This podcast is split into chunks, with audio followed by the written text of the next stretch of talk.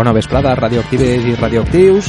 Estem en la 107.6 de la FM i en la 98.2 i això és Radioactiva.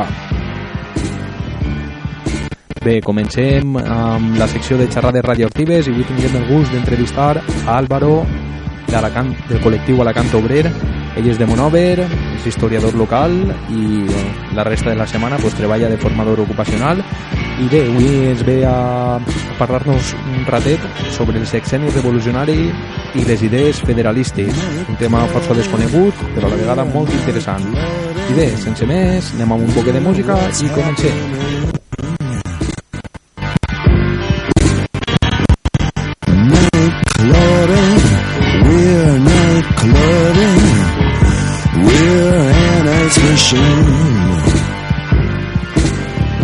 See people, brand new people. There's something to see.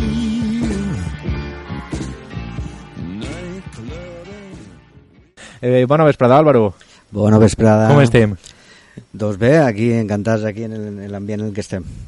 Bé, pues, en primer lloc, eh, explica'ns de, arrel de, de què apareix uh, aquesta idea o aquesta iniciativa d'organitzar una, una exposició i una xerrada sobre les idees federalistes?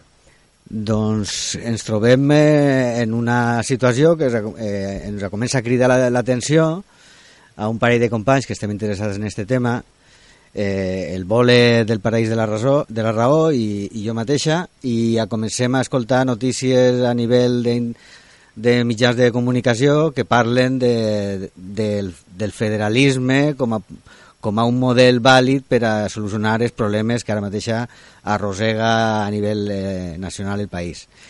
Doncs eh, arran d'això pensem que era interessant concretar quin era el punt de vista del federalisme que oferien els primers socialistes espanyols, els que van inventar allò del federalisme i els que van traslladar les idees federalistes europees a, a Espanya en el seu moment i tot ve arran de la commemoració del 150 aniversari que acaba de passar el, el 2018 i s'acomplien 150 anys del que seria la revolució de la Gloriosa que van nomenar en aquell moment. Eh, l'octubre de 1868 van fer foro a la reina Isabel II i per primera vegada en la història d'este país van entrar les idees de llibertat, les idees d'igualtat, els, els, els llibres dels primers socialistes europeus, i bueno, i això és la idea. Bé, aleshores, en resum, eh, seria... Aquesta iniciativa sortiria amb la intenció de, de separar el gra de la palla, no? De quan em faig jo, bueno, si estic equivocat, em corregis, quan el PSOE parla de federalisme i totes aquestes coses diguem que d'alguna manera transgiversen eh, la, la història, no? I aleshores vosaltres vau dir, voleu parlar de federalisme? Doncs pues anem a parlar de federalisme, però de, de deberes, no? De, del què és, de què va ser. El, eh, efectivament, eh, pensaven que anava a ser un, un tema de que anava a estar damunt de la taula eh, al llarg, almenys en, en l'any de la commemoració d'esta data, però eh, ens han, han donat compte que, que en principi el, eh, tot això era un, un, un, un escaparat que van muntar per a, en, el, en el moment per a desviar l'atenció d'altres problemes que tenia el país. Eh, en veritat, eh, eh, mo molts historiadors estan d'acord que el federalisme eh, és una qüestió eh, si no va ser inventada aquí en Espanya, va ser desenvolupada en gran part per, eh, per esta gent i, i, bueno, i que d'alguna manera eh, podria ser un model polític, econòmic i social vàlid per, a, per als espanyols. Per a... Va, la Xina en, eh, en xicotets rasgos què, què entendríem per, què s'entendria per federalisme en quant a funcionament i què mos venem per federalisme? Una pregunta complicada, no? Però... Bueno, en principi el federalisme és un sistema d'organització social però que el federalisme pot tenir moltes interpretacions. Vosaltres penseu, per posar exemples pràctics, penseu en un federalisme tipus Suïssa, que està construït en base a cantons, que en principi els municipis i les entitats de petita dimensió, de xiqueta dimensió, tenen rellevància a l'hora de presa de decisions i, per i penseu per contra en un federalisme que te, se diu així també, el federalisme dels Estats Units. És un federalisme fet des de, des de dalt mm. i que, al contrari que el, federal, de, que, el, que també se demana de l'altre federalisme, pues, té un, ca, un caire imperialista, eh, verticalista i d'alguna manera anul·lador les diferències i per tant autoritari i, i, bueno, i contrari a, a les idees de llibertat. I en quin context eh, naixerien aquestes en quin context tant social com econòmic naixerien eh, aquestes idees federalistes a l'estat espanyol? En el, mm, van néixer al mateix temps que van néixer a la resta d'Europa. De fet, l'exposició esta se centra en, en dos personatges importants que van ser Francesc Pi Margall i Fernando Garrido, que pràcticament eh, de la mà d'altres socialistes europeus van anar definint aquest concepte de federalisme entès des del socialisme i des del primer socialisme. I consideraven en aquell moment que el federalisme era una solució per a lluitar, contra les tiranies i contra les monarquies d'Europa. En, en aquell moment se considerava que el federalisme pues, doncs, eh, això podria arribar a plantejar un, eh, una solució al problema de la guerra, al problema de la, de, dels imperis i per suport també per a la, la tirania de l'Església. De fet, l'Església s'organitza federalment i però s'organitza d'una manera autoritària. Per tant, el, el federalisme se pot entendre des de, des de vessant autoritària i des d'una vessant eh, antiautoritària. I com van entendre esta gent, van intentar definir-ho eh, d'aquesta última manera. I, I com se va traduir en, en els fets, en, a nivell cronològic o històric, eh, aquestes idees federalistes, com es van materialitzar? És difícil saber qui va ser abans de qui, no? Hi ha una petita controvèrsia entre els historiadors d'aquest període, quan parlen, per exemple, que tothom diu que eh, el Pi Margany va ser, evidentment, va ser el traductor de Prudhomme, de Pedro José Prudhomme, un dels primers anarquistes i ell va ser que va traduir les idees de, de Prudhomme i es va portar a Espanya. Ell i un altre personatge que es deia Roberto Robert. Que, i, però resulta que esta gent, el Fernando Garrido, el Pi Margall i altres socialistes espanyols que estan que, que, que ixen a la, a la xerrada nostra i a l'exposició, esta gent estaven en contacte permanent en els, en els estrangers, en els, els intel·lectuals i en els revolucionaris estrangers, per, per el fet de que havien sigut expulsats i exiliats d'Espanya durant eh, 20 anys abans d'arribar al 1868. Per tant, estaven eh, contínuament en contacte, en, en contacte amb els eh, revolucionaris estrangers, se conspirava des de l'estranger per a intentar que les idees socialistes arribaren a Espanya per vies clandestines. De fet, el, el llibre que, que ha mencionat el Vole en una altra xerrada sobre la vida de Renan, de, eh, la vida de Jesús, de, mm, de sí, Renan, Renan, doncs aquest llibre jo tinc una notícia que arribava amagat en caixes de, de, en caixes de llibres que venien en tapes de llibres religiosos diferents. I quan obries la tapa en la, a partir de la, de la contratapa ja venia el, el llibre original els llibres tenien que entrar de manera clandestina en, en aquell moment i el que vull dir, d'aquest contacte permanent entre, entre exiliats espanyols i revolucionaris estrangers es va anar fraguant aquesta idea de federalisme. Per tant, va ser una cosa conjunta de, de totes les idees que en aquell moment circulaven. Eh, els exiliats de russos en Suïssa, eh, els, els alemans els, en Anglaterra, tot el món col·laborava a definir, eh, en aquell moment és l'època de Mazzini, de Garibaldi, així que pues, se, se barrejava tot un poquet en aquell moment fins que eh, la primera internacional, la AIT, va definir un concepte de federalisme socialista, llibertari i obrer, no? I això va ser el, el que després va passar a la història de l'anarquisme espanyol, no? que va adoptar. Val, eh, pot ser eh, del federalisme eh, sobretot a, a l'escola i de tot, les figures que, bueno, les figures o, o els fets més eh, transcendentals solen ser la, la Primera República i la figura de, de Pi Margall.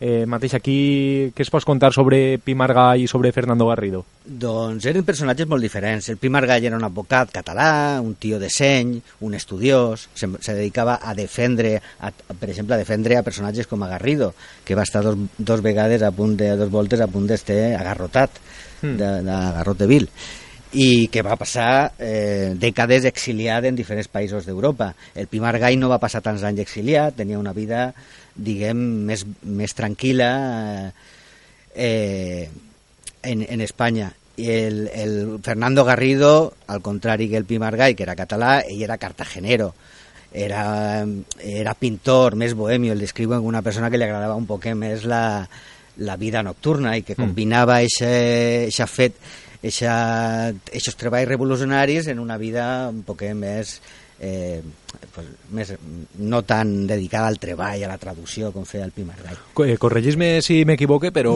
mm. eh, almenys el Pi Margall i, bueno, i, i, les, bueno, i figures de, del seu entorn eh, eren figures d'il·lustrats.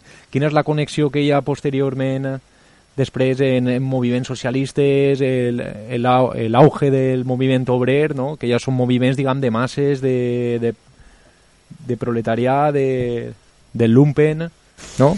No acabo d'entendre bé la pregunta. No? Pues que, a veure, el, el, Pima, el Pi Margall mateixa eren intel·lectuals, mm. eren gent de lletres. Eh, en, en principi, en, sempre, el Pi Margall dona el, el perfil de, més de, de l'apòstol, no? del, del teòric, mm. de la persona. El Garrido és més l'home d'acció, el que està en sí. contacte amb tots els revolucionaris.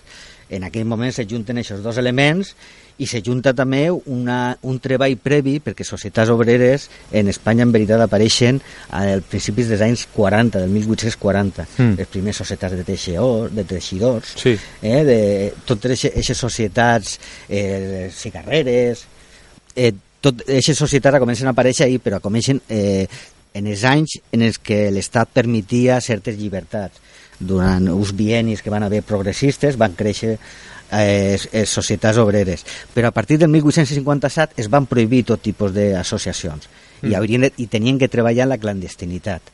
En aquest moment es van ser quan eh, van aparèixer o van proliferar el que se diuen societats secretes, les societats que tenien una influència de, del carbonarisme italià i aquestes societats secretes són els que eren com una doble estructura dels partits oficials o dels grups polítics, dels grups, dels agrupaments eh, sobretot del republicanisme, en aquell moment no se dien, republica, no se dien republicans perquè estava, eh, no, la paraula republicà estava prohibida i se dien demòcrates, demòcrates socials. Fins i tot Bakunin se va definir al principi com a demòcrata social. Doncs això, eh, en aquest període de 10-15 anys de total prohibició, va ser com es va anar fraguant eh, una, un moviment social en societats obreres cada vegada més, més important, on el moviment cooperativista començava a tenir certa importància, i totes aquestes idees eh, pues, confluïxen en una, una, alça, una revolució, que és la revolució de 1868, i en una experiència de, de creixement de societats obreres a partir d'aquest moment que va ser espectacular en Espanya. Estem parlant de desenes de mils de treballadors associats a la AIT a l'alçada de 1873 en només 4 anys mm, es, es va multiplicar exponencialment el número de, el, eren les societats obreres espanyoles en aquell moment les més fortes del món ninguna societat obrera del món tenia tanta força com les espanyoles com les ibèriques, millor dir, mm. en aquell moment Eh, val, parla'ns un poc de, sobre la, la revolució de 1868. Eh, quines eren les, pro, les proclames que, que se va aconseguir i, bueno, i desgraciadament pues, com, com acabar. Doncs eh, l'octubre del 1868, a, a partir d'una revolució d'uns militars, eh, uns militars progressistes, se va fer fora a, a la monarquia i es va donar un període d'experimentació de, pues, social a nivell polític i a nivell associatiu, sobretot. No? Es va permetir el, els drets d'associació, de reunió, d'expressió, van proliferar els periòdics, és espectacular la quantitat de periòdics que van néixer en aquest moment en, en qualsevol petita, xiqueta població, qualsevol capital de província, i bueno, és un període molt ric, de molta, de molta confusió, quan algun, el moviment obrer està naixent, eh, i és, un moviment, és una situació diguem que no està del tot definit encara el moviment obrer però se donen ja els corrents principals de lo que seria després el moviment obrer a un, a un nivell més, més contemporani no? té, eh, quin tipus de, de connexió té la revolució de 1868 en el cantonalisme? Doncs a partir de, de l'octubre de 1868 es, es obre un període de, pues d'un model polític poc definit. Al principi s'opta per un, un model així com si fos una, una monarquia parlamentària, com la que tenim ara, i se porta un rei de foro, que és l'Amadeo de Saboya, eh, la cosa no funciona perquè per, per baix de tot això estava el, el creixement del Partit Republicà en les diferents tendències que tenia el Partit Republicà. Una d'elles és la tendència federal, que va acabar sent majoritària a l'any 1873 i va acabar proclamant-se la República en 1873, que evidentment va tenir una, un component federalista no només per el, eh, perquè el president fos Francesc Pimargall, sinó perquè va derivar en un intent revolucionari que tratava de, de fundir d'alguna manera les idees federalistes republicans en les idees del municipalisme eh, semblant a la comuna. I d'alguna manera el cantonalisme tenia aquest espírit eh, així heterodoxe però on, on t'encontraves lluitant pues, a un excomunero que venia de la comuna de París exiliat juntament a un militar de, de republicà espanyol i te, també pues, a millor un cura que considera un cura d'estos que tenien les idees protestants era un, tota una barreja d'idees el lliure pensament, el socialisme, el cooperativisme tot se barrejava en aquell moment i, i s'encontraven lluitant aquestes persones, però contra què? Contra el clero, contra l'aristocràcia la burguesia... Ells se van enfrontar directament contra el govern republicà constituït, perquè sí. volien portar més enllà el, el, el model, el, el model republicà a, a convertir-lo en eh, totalment federal i d'alguna manera havien reticències eh, en aquell moment de que les coses havien de fer més, més espai, més lentament. Clar, ells apostaven per un model federal des de la base en contra del, del que s'estava imposant, que era des de... Des de Madrid, el, des de, el típic des del el govern. federalisme unitarista, el, el, bueno, havia una sèrie de republicans que eren els republicanos unitarios, ahí estava el famós Castelar, que a tot, a, a tot el món li sona, Eixa persona era una... Eixa política era un, en principi va pertenèixer també a societats carbonàries, a societats secretes, va conspirar contra la Isabel II en els anys previs a 1868, però una, ve, una volta ja es va, eh, diguem, ja se va, se va aconseguir fer fora a, la monarquia i se van plantejar diverses opcions socials que havien damunt de la taula se va tornar una persona més centralista, que apostava per un model de republicà, però basat en eh, l'autoritat, en l'ordre, no deixar eh, que la república se juntara demasiada en els socialistes de la perquè els federals, diguem que simpatitzaven molt en els internacionals, però, claro, eh, tothom volia portar el, el, model, el model estatal, el, el model social de la península, volien portar-lo més enllà els federals a ultrança volien portar una federació de, de, pues, de repúbliques ibèriques, no? juntament amb Portugal. I, bueno, era un moment de molta...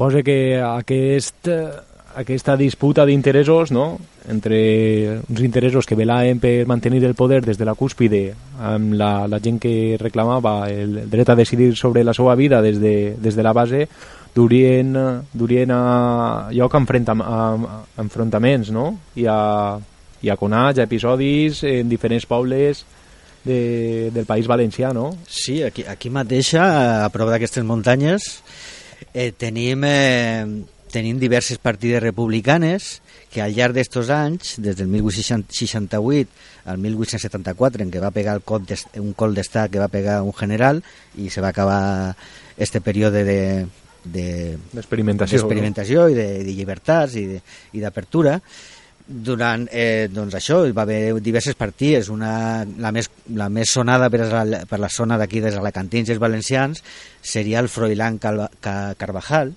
que va ser un republicà federal eh, a prop de l'internacionalisme que en un moment donat, quan va veure que se proposava un rei com a futur eh, eh, cap de l'Estat de, en, en Espanya, és, alguns republicans se van sublevar en diferents parts de, de l'Estat. Una d'aquestes parts va ser aquí en, en la província d'Alacant, en les muntanyes de d'aquí entre Castalla i entre Castalla i Petrer, doncs ahir van agafar el Froilán Carvajal i hi ha un grup de, de federals i es, bueno, diguem que es van afusellar. Va fracassar la intentona republicana de l'octubre de 69 i van haver i es van fusellar, no només aquí, no només en la zona d'aquí de, del Llevant, sinó també en la zona de Màlaga, en Catalunya, van a, va haver un, un alçament important. Bé, així per a fer-se una, una idea mental, eh, com serien aquestes societats per les quals lluitaven fe- federalistes a nivell d'estructura? Si avui en dia tinguem una democràcia parlamenta parlamentarista, no?, que, que diguem que, que regís a base de tirar un vot a una papeleta i que unes persones te representen durant quatre anys, com seria el model fede- federalista per el qual lluitaven aquestes persones que derivaven de les idees socialistes, de la internacional i tal? A nivell de poble, com s'organitzaria?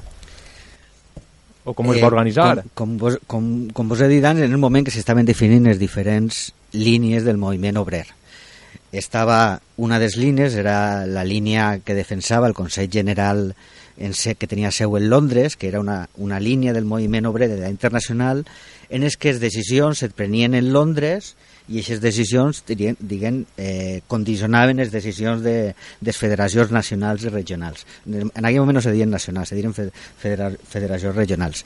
Mm. I des, eh, en, al costat d'esta línia, que seria la línia marxista... Sí, de, de comitè, no? Sí, de, de comitè estaria la línia que proposaven els, els internacionals espanyols, entre d'altres, que proposaven eh, un federalisme basat en, eh, des de la federació local.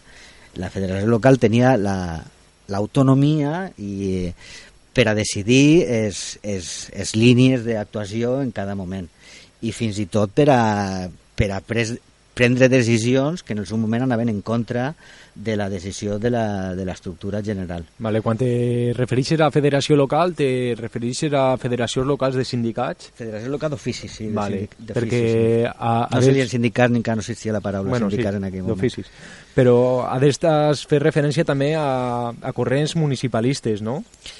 De fet, de, en el disc de l'anarquisme hi ha un personatge com Federico Urales, que era un, un defensor del municipalisme i del federalisme eh, a ultrança. I d'aquesta manera pues, eh, eh, proposaven eh, parlant, eh, seguint el seu, el seu referent que era Francesc Pimargall en això un federalisme basat en, eh, un poc en, el, en la idea de la Comuna de París que cada municipi té autonomia i sobirania per organitzar-se els recursos i per prendre les seues decisions i després per lliure federació de territoris anirien agrupant-se aquests territoris fins a formar entitats més grans, però sempre començant des de la base. Mm.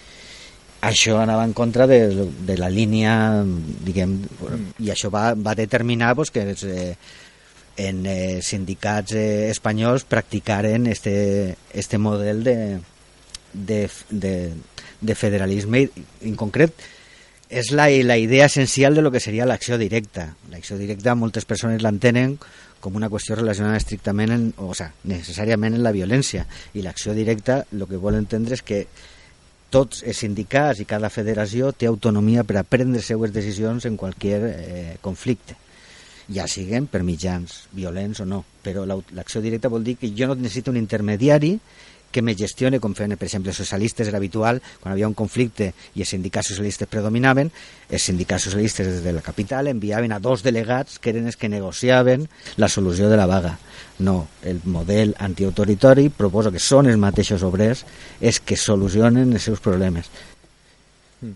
I bé, enllaçant un poc en, en espeix de, d'Alcoi, de la revolució del petroli, eh, si, si no m'enganye i si estic enganyant me corregisses el, el Pelletes, l'alcalde no sé si era el Borg ell era, ell era republicà federalista no? Mm -hmm. i, i els, els obrers no? pues, el van arrastrar i bueno, es van ficar en vaga reclamant les 8 hores ell va ordenar disparar des del campanar i finalment pues, eh, els veïns bueno, de... Dice federalista, eh, eh, jo crec que li dona, en aquell moment donava, puntets, donava punts, eh, dice federalista, però, sí, però realment... Ella, però ja havia estat tancat i tot. Ella havia estat conspirant contra, contra els, contra els Borbons en els anys previs i fins i tot havia estat en partides republicanes per ahir en la muntanya. Què passa? Que el que jo tinc entès, eh, hi ha més gent que coneix eh, el tema dels fets d'alcohol més, més al detall, però jo el, el, que, te, el que he entès és que d'alguna manera el, el Alborg, l'Agustí Alborg, que era propietari d'una empresa de, de paper molt important i donava faena a molta gent, d'alguna manera va fer promeses que, que després no va, no va complir. D'alguna manera era molt amic de l'Eutorio Maixonave.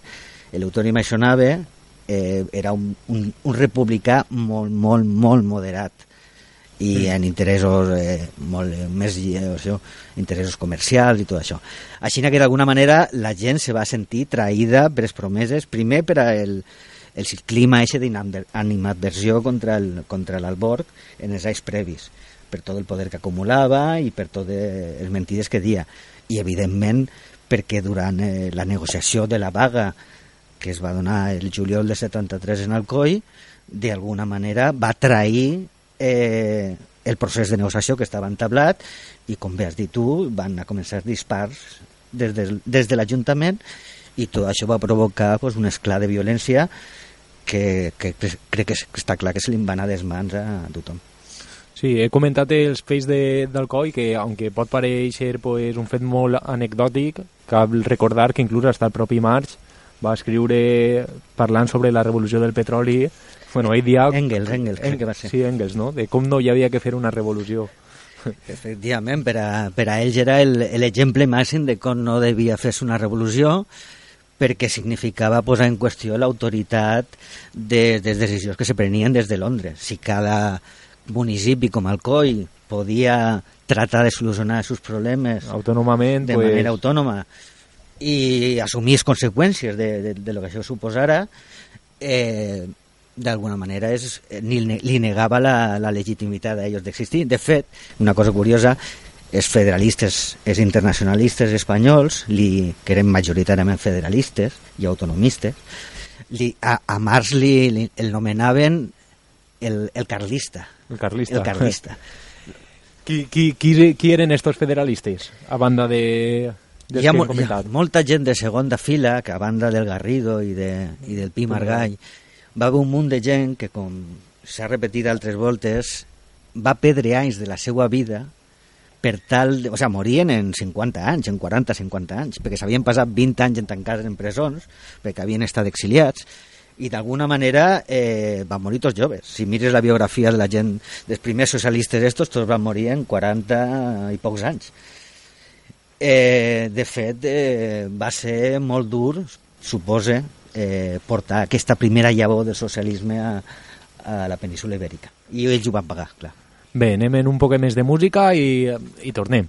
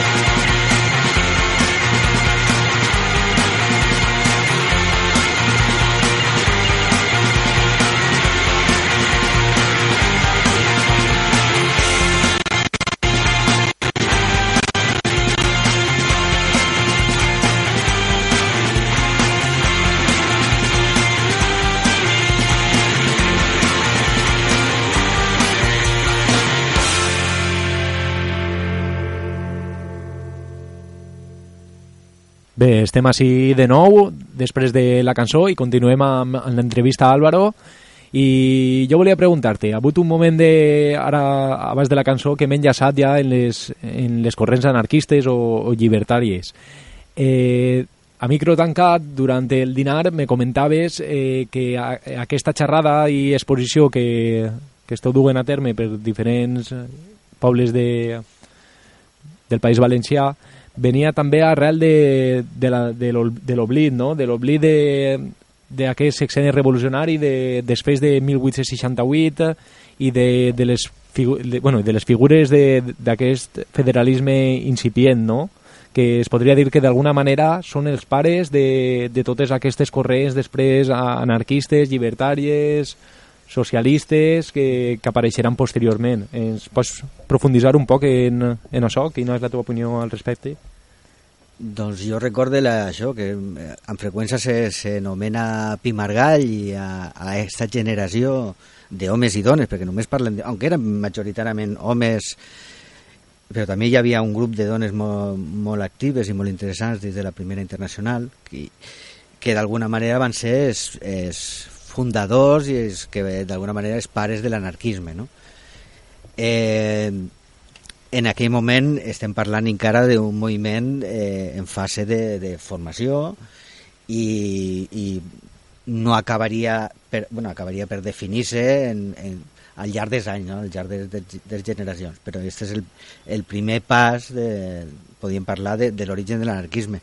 Per això la importància que nosaltres consideràvem que tenia fer aquesta exposició perquè d'alguna manera dignificaven el, el seu nom i recuperaven una data que, que sembla que a tothom se li havia passat eh, eh, per alt, no? i fins i tot les pròpies organitzacions o grups d'afinitat i bueno, era un d'alguna manera, ja que ningú ho feia, doncs recuperar el que serien les seues idees i, i sobretot fent incidència en la importància que tenien en, en aquest moment eh, la llibertat d'expressió, la impremta, els llibres. No? Un llibre tenia un contingut eh, màgic, no? Els primers, aquests llibres de Proudhon que acaben de traduir-se, quan arribaven als mans d'algú i abans de passar-lo a una altra persona, doncs eh, significaven un fet molt important, no? per com la clandestinitat en què s'havien distribuït, però també per aquestes idees que en, que en aquest moment eh, consideraven que bueno, el propi Garibaldi crec que era el que dia que la IT era eh, el sol del porvenir. Tot, eh, molta gent consideraven que el motor de la història estava, anava a ser el socialisme era la idea del futur. Així que la gent se convertia Garrafa eh, tenia aquests llibres en les mans i li suposava un, una certa conversió.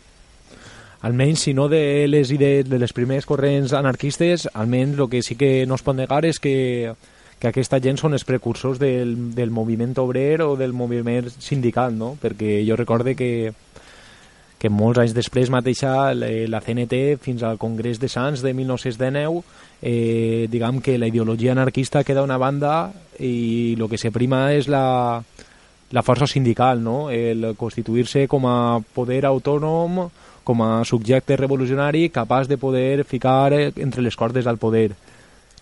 Ahí tenim els, els noms de López Montenegro, de Salvochea, mm. eh, de, del propi Garrido, són tots els, els que van fundar les, les primeres societats obreres i els que van introduir les idees socialistes antiautoritàries dins d'aixes organitzacions i és que donaria peu després a diferents organitzacions d'àmbit eh, territorial nacional que van existir en, al llarg del segle XIX i el principi del segle XX fins a arribar a la CNT, no? Mm, tornant de nou al COI, el COI va ser, va ser seu, no?, de la Federació Regional de l'AIT a l'estat espanyol, sí, sí. no? Sí, hi havia una, una, una data curiosa, és que va, tenia, va ser tan fort el creixement, i crec que va ser al, al Congrés de Còrdoba, mm. a finals del, 80, del 72, quan se va decidir passar la seu al COI que tenia només eh, una funció de correspondència, perquè entenien ells que una seu no era un comitè director que, on s'organitzava tot, mm. i ells tenien que fer com la, la relació entre les diferents societats i la correspondència i llevar com el, eh, el tema de la comptabilitat, que també era molt important. I d'alguna manera, pues, una anècdota per, per fer-vos una idea més que en termes numèrics, que perquè podien arribar als 3.000 treballadors afiliats, crec que va arribar a tenir el COI en, en aquests moments, el 1873, Però eh, a finals del 1872, a un paperer, a un industrial alcoià progressista d'idees així republicanes, se li va ocorrir, davant de l'increment que tenia la Internacional Alcoi, doncs treure un paper de fumar, una nova marca de paper de fumar, que crec que se dia la, eh, la Internacional o alguna cosa així. Mm. I, i a més portava un eslògan, no, no, el títol no era la Internacional, portava un segell que se semblava al segell de la Internacional i un lema a sota, a baix, que posava todo obrero debe fumar este buen papel. I entonces, això, la, el comitè local d'Alcoi se va assabentar de, del tema i li va declarar el primer boicot de la història a un, a un industrial. Eh, I, i això va ser, això dona a entendre fins a si eren capaços d'utilitzar en fis comercials algo com la internacional, podeu entendre en qui, que, com, què suposava de novetat i de, bueno, d'alguna manera era una, era un, una ola social que semblava imparable en aquell moment. Bé, jo, si t'ha de ser sincer, eh, en quant al sexeni revolucionari, pues, estic un poc curt de, de coneixements, però m'ha semblat interessant eh, un fet que me comentaves, dir, la gent que d'alguna manera vinguen de, dels moviments socials, pues, sempre sempre han rebut la història no? de les idees anarquistes amb Fanelli i bueno, després Anselmo Lorenzo i Lle- poca cosa. Lleveu-vos ja la idea de Fanelli. Deixeu al pobre Fanelli tranquil ja. Deixeu que se creme, el tenim cremant en el purgatori del socialisme des de fa 150 anys. I resulta que van venir ventitants com ell. I Bé. també de l'aliança pertany, pertanyant a la- a l'aliança de la democràcia socialista. Eren aliancistes que van venir en tarees de tasques de propaganda en diferents períodes entre el 1868 i 1874, tot i que alguns es van quedar en la dècada de 1870, i aquests ventitants eh, van ser, és que d'una manera eh, consecutiva van anar eh, afiançant, eh, diguem, la tendència eh, antiautoritària que ja tenien de, de per si els obrers espanyols. Però d'alguna manera ells van venir a col·laborar en aquesta tasca.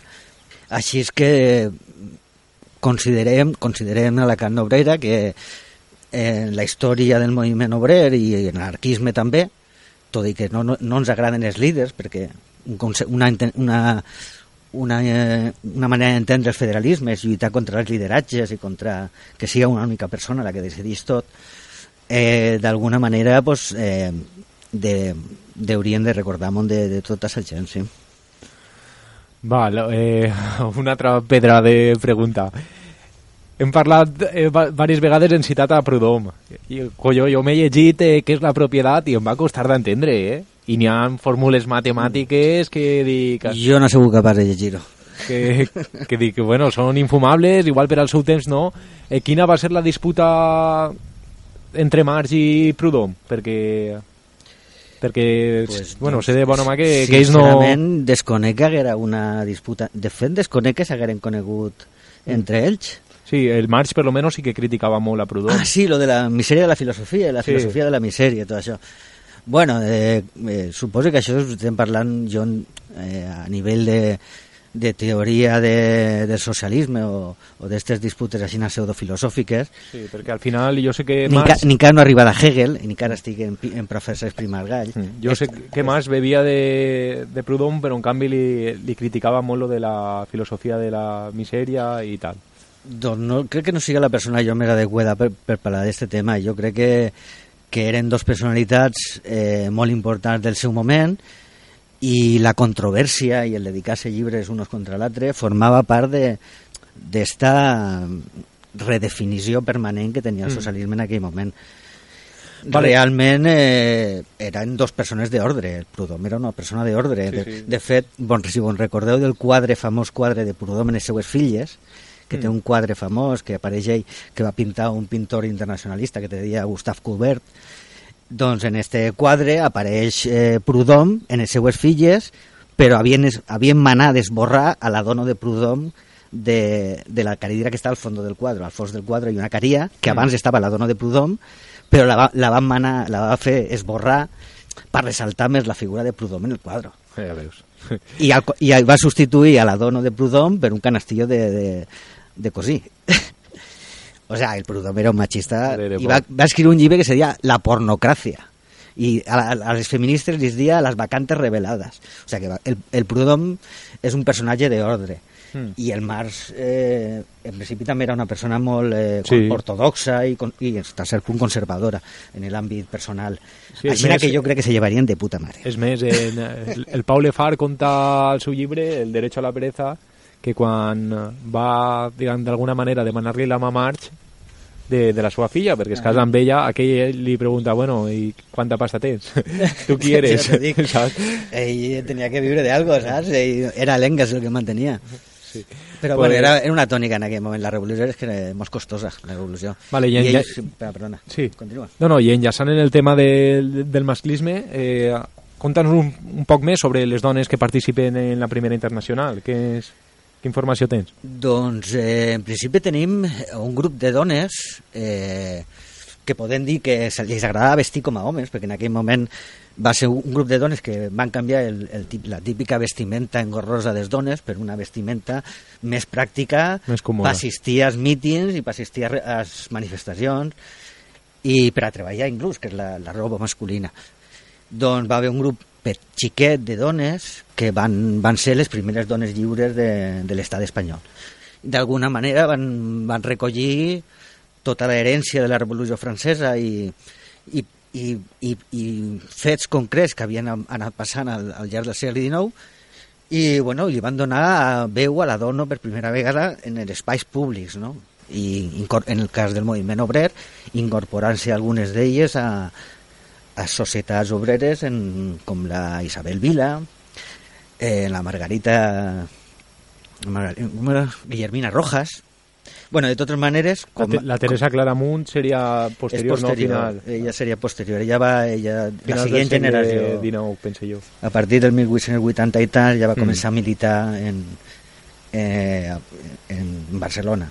Sí. Però d'alguna manera és el precedent totes aquestes dones. El que vull comentar-vos que com és una cosa interessant i que mereix, mereix la pena explicada en, en, en, o, en, o si algú està interessat pot recurrir a la pàgina de la Can Obrera on hi ha una secció que parla de, de dona i memòria i allí trobareu doncs, ese, una secció, un artícul que se diu Amazonas Rojas, no?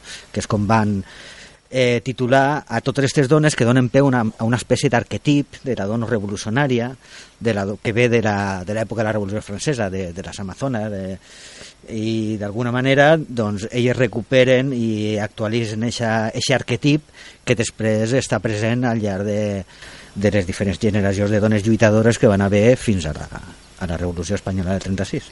Bé, estem aplegant ja al final de l'entrevista. Eh, consta, eh, conta'ns un poc què, què és Alacant Obrera.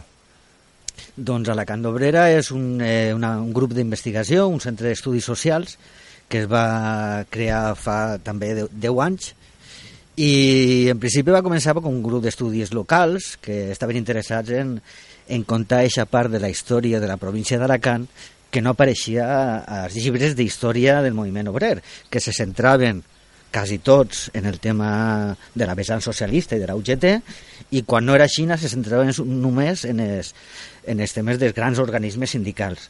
Ens faltava tota la història, la xiqueta història local, la xiqueta història dels grups d'ofici que creen els primers sindicats i que se creen federacions comarcals, tot aquest primer eh, empuixó de, del societarisme, del sindicalisme en, eh, en les províncies, en les comarques alacantines. I es van decidir a fer un llibret que va ser també pues, una... Pues bueno, eh, posamos a, a, a, eh, autoformamos i per primera vegada com a historiadors, però començant des de baix. Eh, personalment, pense que hi ha una manca de d'història local, no? que moltes voltes es tendeix a la història de grans ciutats i diguem que a partir d'ahir es construeixen els relats, no? Quan eh, hi ha una, una història rural que, que diguem que, que camina, si no paral·lela, eh, pues de la mà de de- d'aquesta història, no? però que sense ella eh, d'alguna manera pense que és impossible encaixar les peces que podrien podrien deixar-nos construir una visió panoràmica d'aquests períodes.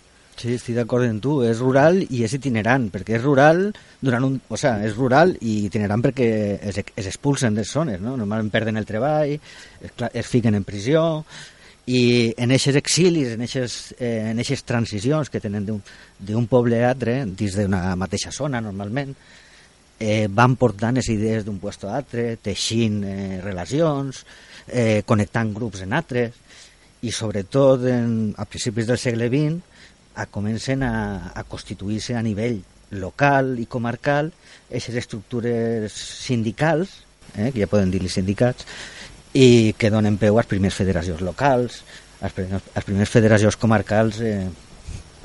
Vale, eh, ja estem rosant l'hora de programa. Ja, per últim, eh, hem començat parlant de, del federalisme del PSOE, del federalisme del federalisme que, que proclamaven arrel de, del moviment eh, independentista o soberanista català i te preguntava eh, una, la primera pregunta te preguntava quines diferències eh, hi, ha, hi haurien entre lo que era lo, bueno, el que va ser el moviment federalista al, al segle XIX i, i el federalisme que, que es venen avui en dia. I bueno, tu ens contaves pues, arrel d'ell la importància de reivindicar aquest primer. Te torna la pregunta i, i si el pareix bé amb, amb això eh, donem per tancada l'entrevista i hi havia un personatge, me, recordo una anècdota d'un personatge que era un fe, republicà federal d'aquella època que va tenir responsabilitats de govern, que era eh, Nicolás Estebane, que se va sublevar contra el, propi, contra el propi govern en un parell de vegades, i després que sempre va estar exiliat molts anys, dècades d'exiliat en París, i sempre va col·laborar amb els anarquistes que per allí passaven i que volien acabar en el rei o fer alguna tasca revolucionària des de fora. Doncs este Estebanez, a, a final de segle, anava en un, en, un, en un tren en un periodista que havia arribat d'Amèrica i el periodista li dia oiga, señor Estebanez, y este, este Pimargall, eh. Este, Pimar, este eh, eh, un escritor que tiene futuro. Y, no, es un escritor de este siglo y, y, el Esteban le iba a decir no, el, el Pimargall no és un escritor de este siglo, és un escritor del siglo que viene d'alguna manera les idees del federalisme que se van plantejar en aquella època del sexenni revolucionari estan ahí enterrades i algun dia serviran per a eh, oferir una possibilitat per a solucionar alguns dels problemes territorials que tenim damunt de la taula ara mateixa. Eh, parafrasejant a Eliseo Reclus, que dia que l'anarquia és la màxima expressió de l'orden, podien, me recorde avui una frase que utilitzen és de Negres Tempestes, que és l'autodeterminació, que és la màxima expressió del federalisme, uno té la, la, la capacitat i el coneixement i, el, i la consciència de que, de que, de que, de que pot prendre les seues de, decisions, l'autodeterminació és la màxima expressió de, de l'anarquisme, d'alguna manera. Mm. Jo afegiria un incís, que també eh, per a mi sempre quan s'ha parlat d'independència he pensat en això, que la independència és autogestió que d'alguna manera és el quan tu eres capaç d'autogestionar-te entonces eres autònom i te pots construir com a, com a federació perquè això implica també un esforç de, de conscienciació, d'autocrítica, que, que també planteja eh, d'alguna manera el, la necessitat de que sigues conscient de, de, de repercussions que té cada decisió que pren. Mm. Més a, a, en el nivell mediambiental que, que estem. Bé, doncs sense més, radioactius, radioactives, se n'anem a casa en Àngelis Apestar. Salut! Salut!